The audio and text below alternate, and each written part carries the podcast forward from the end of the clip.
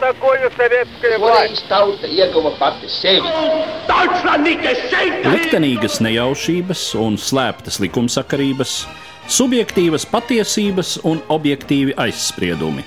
Pēc atkušņa nekad nenāk uzreiz pavasars, bet sākās Arī šodien cilvēki ir ļoti tuvredzīgi. Viņi redz to naudu, kas ir. Televīzijā jau pamatā notiek cīņa par varu. Pagātne no šodienas skatu punkta un šodienas caur pagātnes prizmu. Raidījumā šīs dienas acīm. Katru svētdienu Latvijas radio eterā Eduards Liniņš. Labdien, cienījamie klausītāji!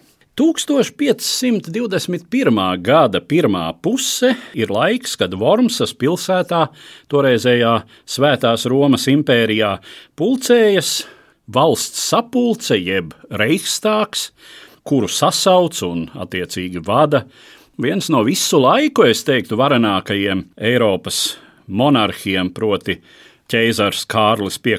Habsburgs. Un starp daudziem citiem jautājumiem šai Reikstāga sanāksmē tiek skatīta arī teoloģijas doktora Mārtiņa Lutera lieta.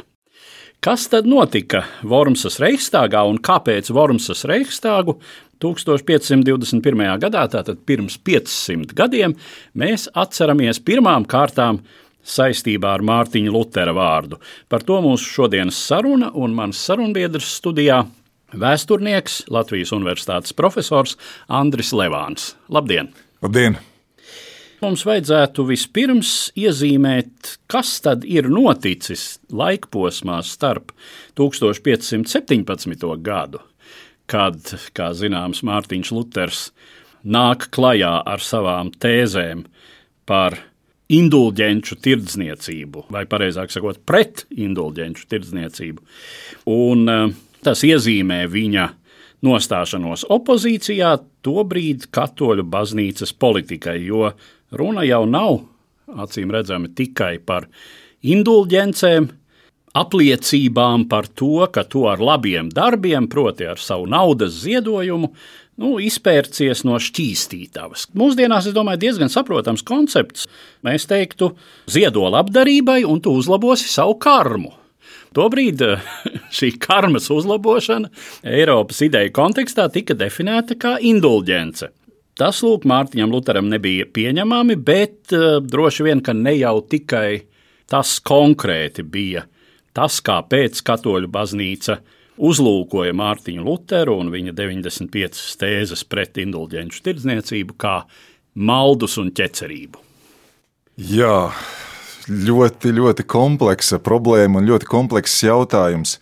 Vormsas Reichstāgs, Mārtiņš Luters un viņa konflikts, viņa lielais, dziļais konflikts ar Romas katoļu baznīcu, kā toreiz jau Lutera laika biedri teica, tā ir vecā baznīca.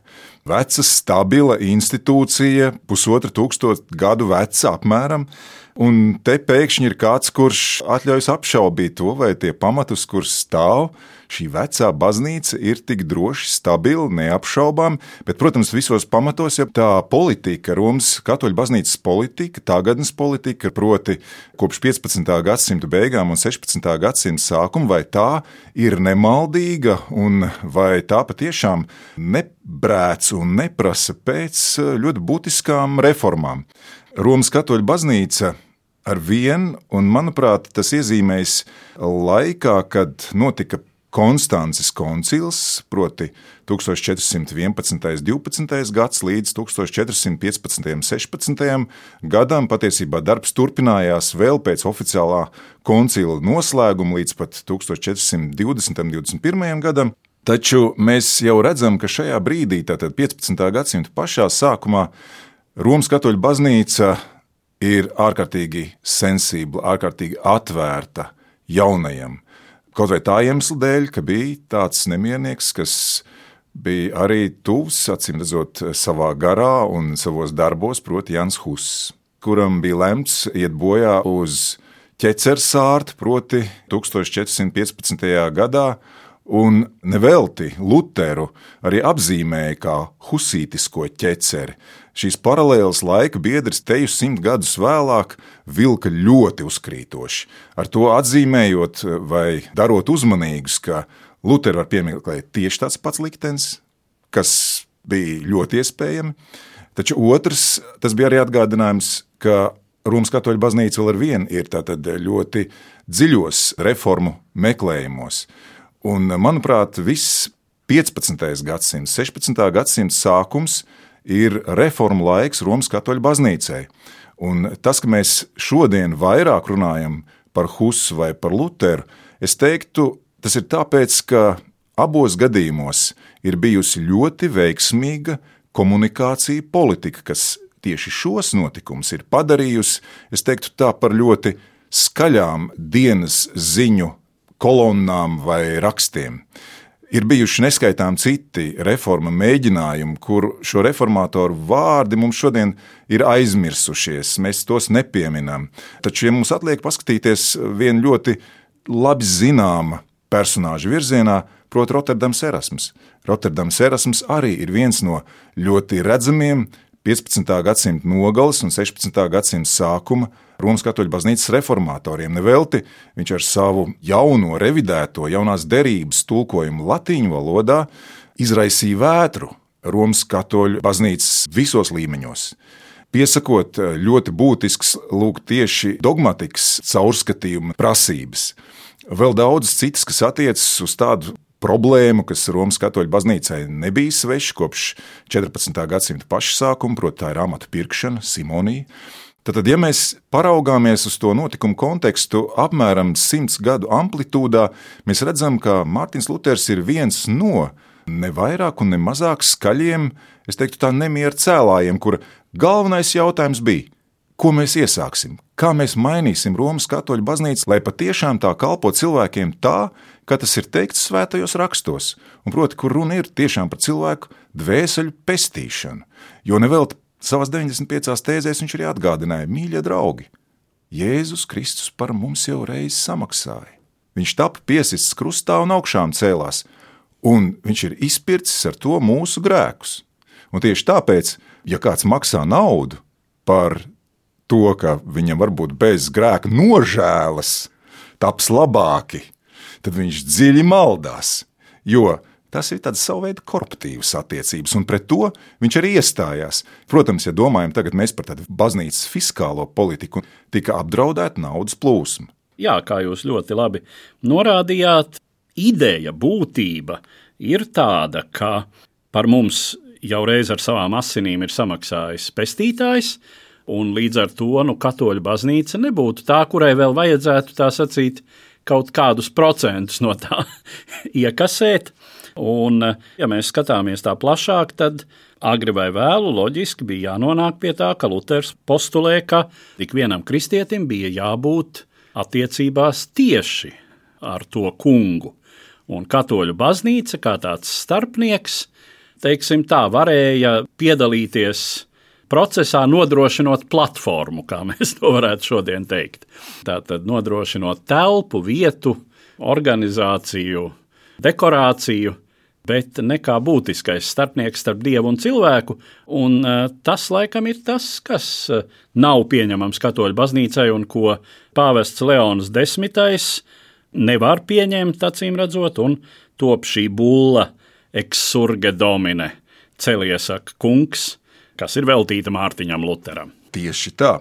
Pie tam mēs varētu vēl varbūt poetiskāk tulkot šīs būles nosaukumu. Ak, saslienies Dievs! Tātad Dievs ir tieši tas, kurš ir sadusmots, sašutis par to, ka viens cilvēks patiesībā uzdrošinās apšaubīt tās institūcijas un to cilvēku, kā jūs teicāt, platformu, šo cilvēku patiesos nodomus. Un tas ir vienkāršs priesteris, vienkāršs holistiķis. Un, protams, šeit viena lieta ir tā, ka šī būle tika veltīta Mārtiņam Lutheram, bet es gribētu vēl pateikt, ka savās 95 tēzēs, kuras, kā mēs šodien ļoti labi zinām, netika piesistas Vitsenbergā pie baznīcas durvīm, tas bija pielikums kādai vēstulē Mainz arhibīskapam, starp citu, vienam no impērijas kurfirstiem, kā vienkārši skaidrojums tiem uzskatiem, kurus atļāvās šajā vēstulē 1517. gadā, rudenī, atļāvās Luters uzticēt, varētu teikt, sev labi zināmam cilvēkam. Un tikai pēc tam, kādā disputācijā viņš atļāvās, un proti tas ir 1517. gada nogale, kad viņš kādā disputācijā atļāvās Vitsenbergas Universitātē šaurā lokā Bet cita starpā šajās 95 tēzēs viņš arī atgādina, ka lūk, tieši tā nepastarpinātība, kas ir svarīga cilvēkam saskarsmē ar dievu un ar dievišķo, kas viņam atgādina to, kas viņš ir, un atgādina, ka viņš ir pazemīgs dieva kalps. Nevelti, tad, kad 1518. gadā Luters nonāca Romā, Un viņš redzēja, cik grandiozi ir eh, svētā Pētera bazilikas atjaunošanas darbi, un cik viņš niecīgs izjutās šīs katedrālas priekšā, tad, kad viņam bija jādodas satikt pāvests Leo X. Viņš jau arī saprata, ka viņš ir viens pats šīs milzīgās institūcijas priekšā, kuru viņš izaicina. Un, proti, tas mērķis, kādēļ viņš 1518. gadā ieradās Romā, bija, viņam bija jāatsakās kūrijas priekšā no saviem maldiem, kā toreiz tas tika teikts. Un, protams, viņš to neizdarīja. Viņš neatteicās, kaut gan viņam tika dots laiks, dodoties prom no Romas, atpakaļ uz Vitsenbergu. Un ir interesanti, gandrīz jau Romā Lutera gadījums tika piemirsts tikai atsevišķi apstākļi un atsevišķas personas, kuras tomēr redzēja, ka nu, pārāk durstīgi un pārāk dzēlīgi ir tie Lutera komentāri. Un Luters jau bija iemanījies tajā brīdī, pēc 1518. gada, izmantot to mēdīju, kuru bija radījis modernais laiks, proti, tā ir iespiedu darbu, komunikācija, respektīvi, Lutera sprediķi tika izplatīti iespiestā formā, tā saucamajos flukšrifteni, jeb lidojošajās lapās. Un līdz ar to viņš ieguva milzīgu popularitāti Svētās Romas impērijā. Un, protams, šis nevarēja atstāt vienaldzīgus visus tos, kuri guva ļoti labus ienākumus no indulgenču tirdzniecības un vēl no daudzām citām lietām un dažādiem darījumiem, kurus mēs šeit pat nemaz nepieminam laika trūkuma dēļ. Un tad ir eksurge domine kur ir ārkārtīgi daudz norādījumu uz to, kas ir tie maldi, jo Pāvests Leo X, protams, ne jau viens pats savā personā, un kā lai viņš to arī izdarītu, jo viņu patiesībā interesē tik daudz citas lietas. Viņu interesēja seni, skaisti priekšmeti. Viņš bija ļoti daudz lasījis, viņš bija humanists pēc savas pārliecības. Viņam negribējās ne ar vienu strīdēties, nevienu ar varu pārliecināt. Protams, viņam bija ļoti čakli, un es teiktu, savos amatos patiešām pēc būtības esoši kardināli, kuri tomēr viņam atgādīja, nu, godība. Jums beigu galā taču ir kaut kas jādara šajā lietā. Un tad eh, mēs varētu šoreiz eh, redzēt, cik rūpīgi Leo desmitā vārdā kardināli ir sastādījuši šos atspēkojumus katram punktam, kas nav baznīcē pieņemami. Tāda ir lielākā daļa, kas bija iekļauts šajās 95 tēzēs. Un tad vienā punktā mēs lasām sekojošu tekstu, kas pasaka ārkārtīgi daudz par to, cik bīstams bija Mārtiņa Lutera stāvoklis 1520. gadā. Un es tagad atļaušos citēt. Mēs nolādām nosodām un noliedzam Mārtiņa Lutera grāmatas, visus rakstus un sprediķus latīņu un vācu valodā, kuros atrodami minētie maldi.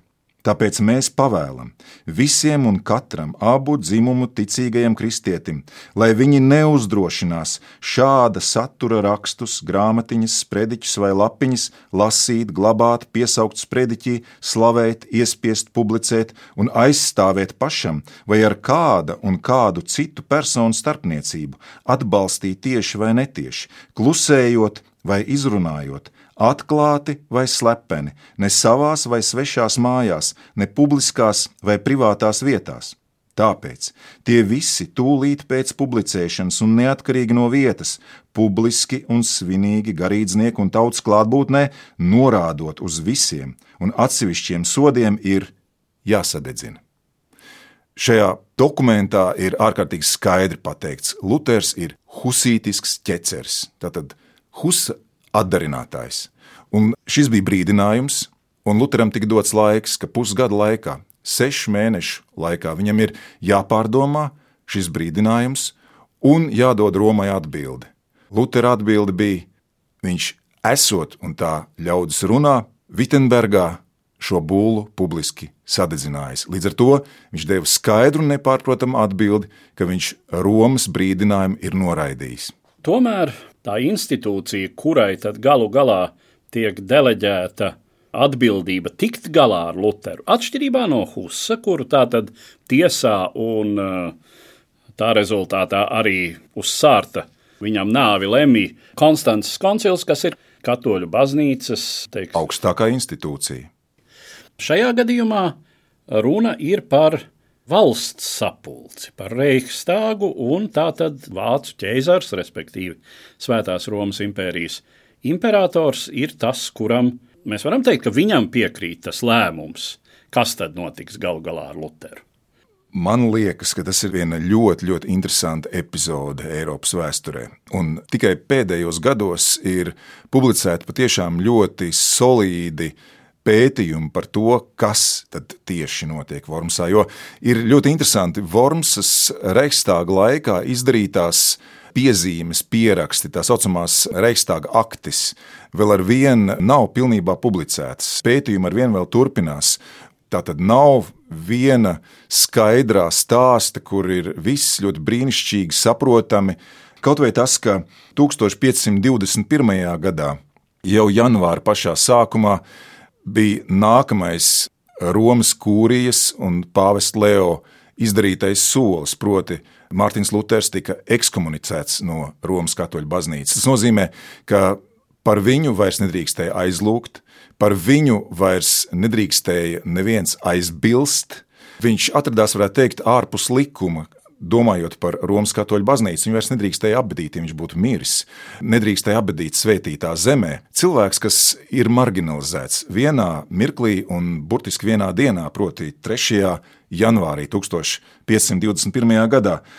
Un, protams, Vormsas Reistāga ziņā tika atstāts jautājums, Romas katoļu baznīca īsti negribēja nodarboties, jo bija ļoti daudz pretrunīgu viedokļu, kur uzskatīja, ka Mārtiņš Luters ir iegūmis jau pārāk lielu popularitāti, lai šim cilvēkam tieši ķertos klāt un viņu līdzīgi kā Huss tagad aizstiept uz sārtu un sadedzinātu, ko, protams, varēja darīt. Taču Baznīcas iekšienē jau arī bija ļoti daudz pretrunu, kā jau es pieminēju, bija tik tiešām vairāk šī reformas strāvojumi, kas Romas baznīcas stabilitāti katrā ziņā jau bija sašķobījusi. Tas nozīmē, ka arī Romas katoļu baznīca atradās ļoti būtisku pārmaiņu priekšā, kur jautājums bija, vai tie būs divi, trīs, pieci vai desmit gadi, kad patiešām nomainīsies personālijas un ka Romas katoļu baznīca pati atradīs iekšēju rezervju meklējumos, atradīs jaunus ceļus, kā atjaunoties. Un eh, ļoti iespējams, ka tas arī būtu noticis bez Lutera. Luters varētu teikt, pātrināja notikums, taču nu, Formsas reizstāga rokās tika ielikts šis ļoti sarežģītais uzdevums, un nevelti, ja mēs paskatāmies uz notikumu chronoloģiju Formsas reizstāga laikā, tad Lutera lieta, kauzā Luterī, ir atstāta kā viens no pēdējiem jautājumiem, kas tiek izskatīts aprīlī. Un ir ļoti interesanti varbūt pievērst uzmanību vienai nelielai detaļai. Ķeizaram Kārlim V tajā brīdī ir tikai knap 21 gads apritējis. Viņš ir ļoti jauns. Viņš runā tikai spāņu valodā, arī latīņu valodā. Un tā ārkārtīgi raibā publika, kas ir ļoti, ļoti pretrunām piesātināta. Nu, kaut vai piesauksim šeit Saksijas kurfirstu Friedrihu Gudro, Friedrichs Tervaize, kas patiesībā bija ļoti skaidri pozicionējies Es aizstāvu to ķeceru Mārtiņu Lutheru. Kāpēc es to daru? Lūdzu, man skaļi tagad nejautājiet, bet man ir savs intereses. Bija arī citas partijas, kuras pārstāvēja pilnīgi pretēju viedokli, vai arī teiksim, tā, bija tādi vidēji mērnie kas arī bija ar savām interesēm. Tad, tad pati šī valsts sanāksme, kā mēs to varētu nosaukt, bija ārkārtīgi pretrunām piesātināta. Katrs gribēja savus jautājumus risināt, pie tam arī vienlaicīgi risināt Romas katoļu baznīcas jautājumus. Un, nu, mēs redzam, ka šīs debatas, kas notiek, notiek ar tulku starpniecību, jo ķeizars Kārls V nerunā vidus augšvācu vai jaunvācu valodas dialektā. Tā viņam ir sveša valoda, svešas skaņas. Viņam ir vairāki tulki, kas viņam čukstus šo sanāksmu laikā tulko. Respektīvi, tas ir savu veidu tāds sinhronais vai simultānais tulkojums, par kura precizitāti un iespējams arī manipulatīvo raksturu mēs šodien varam arī debatēt. Un lūk, tad, kad mēs nonākam līdz Mārtiņam Lutheram un viņa lielajam uznācienam, kur viņam ir jāizstāv savs viedoklis, un mērķis, protams, Reichstāgam ir tieši tāds pats kā Romas katoļu baznīcai. Proti, ir jāpanāk, ka Luters atsakās no savas pārliecības, ka viņš atsakās no viss tā, ko viņš ir paudis savā 95 tēzēs. Savukārt, ķēzara mērķis ir panākt teju vai par katru cenu šo atteikšanos, jo šī reikstāga mērķis ir panākt tuvināšanos ar Leo desmito, ar pāvestu kūriju, jo tajā brīdī bija jau iezīmējusies, varētu teikt, diezgan liela plaisa, jo nevelti 1521. gadā tika publiskots arī tā saucamais Gravāmina Nacionis Germānicē. Tātad šīs eh, sūdzības pret Romas katoļu baznīcu, kuras pauda vācu nācija. Un lūk, bija jautājums, kā šo, varētu teikt, plaisu pārvarēt, un tas instruments, kā pārvarēt šo plaisu, kas vērās aizvien plašāk starp impērijas un Romas katoļu baznīcas interesēm, šis mazais tiltiņš, šis trauslais tiltiņš varēja būt Mārtiņš Luters, kurš varēja palīdzēt ķeizaram pietuvināties Romas katoļu baznīcai. Bet, kā zināms, tas neīstenojas. Uh, gala lēmums Mārtiņa Lutera lietā, kas tiek pieņemts 25. maijā, te jau vai mēnesi pēc slavenajām debatēm, kurās drīzāk jau tā ir leģenda, bet izskan šie vārdi: Te es stāvu un citādi nevaru. Lēmums ir Lutheram negatīvs, tātad viņš tiek arī no laicīgās varas, no ķeizara, imperatora varas pasludināts ārpus likuma ikvienam ķeizara pavalstniekam, tātad ikvienam vācu zemju iedzīvotājam, turpmāk ir liekts sniegt Lutheram jebkādu atbalstu, gluži otrādi viņa pienākums ir nogādāt šo vīru taisnas tiesas priekšā. Vai arī nogalināt bez tiesas. À, tādas tiesības arī pastāv. Jā, 1521. gada pavasarī, maijā, tika pasludināts tā saucamā Reichsacht pret Mārtiņu Lutheru. Proti, tas ir šis arī impērijas lāsts, kas tika uzlikts Mārtiņam Lutheram, un vienlaicīgi arī viņš tika pasludināts kā persona non grāta, persona, kas ir ārpus likuma, persona, kuras īpašums vairs neatrodas impērijas aizsardzībā, viņa persona, viņa dzīvība vairs neatrodas impērijas un ķēzara aizsardzībā jebkura persona, kas jau kādā veidā Mārtiņu Lutheru atbalsta vai atbalstītu, gan garīgi, gan fiziski, materiāli, patiesībā arī riskē ar to, ka līdzīgi kā būlaiks urgi dominē un it sevišķi pēc ekskomunikācijas būlas, jebkura persona, kas tātad lasa, citē, aizlūdz vai jebkurā citādā veidā komunicē ar Lutheru vai par Lutheru, apdraud sevi dodoties prom jau aprīļa beigās vai pašā maija sākumā, viņš tajā brīdī saprata, ka viņa dvēsele karājas un dzīvība mata galā. Pa ceļam viņš esot ļoti veiksmīgi inscenētā nolaupīšanas drāmā, tātad tik tiešām nolaupīts, un visas pēdas esot pagaisušas. Un, kā mēs zinām, Lutheru nolaupīja tas pats Friedrichs Gudrais, Saksijas kurfirsts.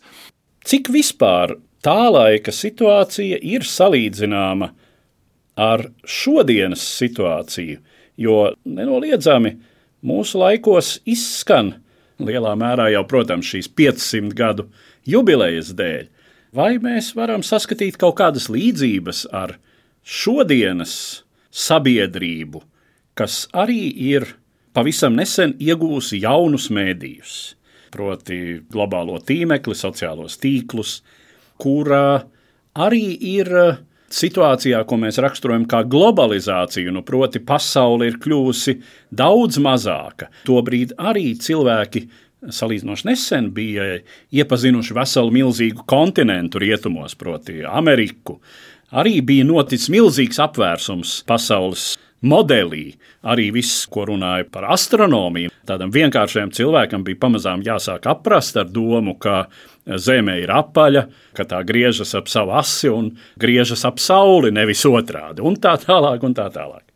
Jā, es teiktu, ka jums ir pilnīgi taisnība, jo šeit nav runa tikai par Mārtiņa Lutera uzskatiem. Te ir runa par to, kas trīs desmitgažu laikā mainījās Eiropā un ārpus Eiropas. Tā ir sava veida globalizācija, ja mēs tā varētu teikt. Ne tikai runājot par šo telpisko pasaules paplašināšanos, atklājot jaunus kontinentus, ne tikai tas ir Nikolais Koperniks ar saviem atklājumiem, kas iekrīt tieši šajā laikā, starp citu. Mēs redzam arī vēl daudzas citas izpausmes, bet pats galvenais - cilvēki patiešām bija izslāpuši pēc pārmaiņām. Jo tas ir galvenais, iespējams, mēdīņu sauklis tajā laikā. Kā mēs mainīsim Romas katoļu baznīcu, kā mēs mainīsim mūsu sabiedrību, kā mēs mainīsim attiecības eh, zemniecības un eh, nobilitātes starpā, kā mēs mainīsim ekonomiskās attiecības mūsu vidū, kādu lomu un kādu vietu ieņems Dieva vārds un vispār mūsu ticība, kas ir mūsu ticība. Arī, starp citu, konfrontācija Bet es teiktu, tā, tā ir saskarsme un apmaiņa arī ar islāma pasauli, kas kļūst aizvien intensīvāk šajā laikā. Katoliskajā Eiropā ir ļoti daudz izaicinājumu tajā brīdī, un viens no tādiem, man liekas, katalizatoriem šiem daudziem izaicinājumiem ir, starp citu, arī Livonija, kur mēs redzam, kā skaitliski pat ļoti mazā telpā ir ļoti daudz svarīgu notikumu 1521. gadā Raunā notika Livonijas garīdzniecības sanāksme, kur cita starpā viens no būtiskajiem jautājumiem ir, ko mēs darīsim Lutera lietā? Kāda ir mūsu pozīcija? Vai mums uz to vispār reaģēt, ja pagaidīsim? Kaut gan vairs nebija ko gaidīt. Vormsas edikts jau bija publicēts. Bet tomēr, nu, varbūt pagaidīsim. Kaut gan bija pilnīgi skaidrs, jo pēc dažiem mēnešiem, ka tas attiecas ļoti, un tas skars Livoniju. Būs neparedzams sekas visam tam, kas nāks kā Lutera vārds eh, Livonijā, un patiešām, kā toreiz arī teica, Luterī pestilencija, tātad šī luteriskā pestilence, vai tā patiešām saindēs tos cilvēku prātus neglābjami. Ja mēs paskatāmies uz, varētu teikt, noslēguma epizodi, un paskatāmies tieši uz diviem Vormsas Reichstāga galvenajiem varoņiem Kārlu V un Mārtiņu Lutheru. Tad mēs redzam, ka 1547. gadā, kad jau gadu Mārtiņš Luters bija apglabāts ne vairāk, ne mazāk Vitsenbergas baznīcā. Un tajā brīdī, 1547. gadā, Kārlis V kādas militāras kampaņas laikā, kas bija vērsta pret Saksijas hercogu, kā tajā brīdī jau politisku pretinieku, viņš ienāca Vitsenbergas baznīcā. Tā pirmā doma viņam bija: es likšu viņa mirušos pīšļus izrakt un sadedzināt šos pīšļus kā ķeceri uz sārta. Un tajā brīdī, kad viņš bija nonācis Mārtiņa Lutera kapa priekšā, viņš saprata, ka tas būtu liela kļūda. Ka viņš novērtēja Mārtiņu Luteru kā savu dzīves pretinieku, kuram pateicoties, viņš ir kļuvis par to Kārli V par kuru jau laika biedri stāstīja leģendas. Katoļu baznīcas aizstāvis, tieši tā. Cīnītājs, krusta karotājs. Un līdz ar to, novērtējot šādu savu pretinieku, mēs varētu teikt, Kārlis V rīkojas kā džentlmenis. Nevis kā ķeceru vajātājs vai kā impērijas likuma kalps, burta kalps, likuma, kur viņš pats bija radījis un reikstāks, ka viņš patiesībā izrādīja cieņu un godu savam pretiniekam. Un tas, man liekas, ir tas, kas ļauj uz šo notikumu vai uz šo notikumu kopumu paraudzīties. Es teiktu, tā ar cieņpilnas, nevis nožēlas pilnām acīm, arī no mūsdienu pozīcijas raugoties. Vēl jau vairāk tas bija ārkārtīgi svarīgi laikbiedriem. Redzēt, kā divas puses, divas nesamierināmas puses izlīkst viena ķecera kapa priekšā. Es teiktu, tā, šodienai līdzīgs ir tas, ka arī mēs šodien sakām, mums vajag pārmaiņas, mums vajag būtiskas izmaiņas, un nevis vienkārši gan likumdošanā, gan mūsu saskarsmē, gan mūsu komunikācijas instrumentos, gan arī dažādos morāles un ētikas jautājumos, kur mums ir jāpārskata, acīm redzot, mūsu vērtību sistēma. Kā mēs to izdarīsim, cik mēs būsim inteliģenti, vai arī nē, es domāju, tas ir lūk, tas lielais pārbaudījums, tas milzīgais izaicinājums, kas ir kopīgs un kas savieno šos laikus. Līdz ar to mums ir svarīgi domāt gan par Vormsu, gan par Romu, par Lutheru, par Kārlu V un daudziem citiem šeit nenosauktiem personāžiem, kas ir iznesuši savās domās, savos prātos, savos tekstos šīs idejas un šo vajadzību pēc dialoga. Paldies! Ar tādiem secinājumiem mēs arī noslēdzam mūsu šodienas sarunu, un es saku paldies manam sarunbiedram, vēsturniekam, Latvijas Universitātes profesoram Andrim Levānam. Paldies! Katru svētdienu Latvijas radio viens par pagātni sarunājas Eduards Līniju.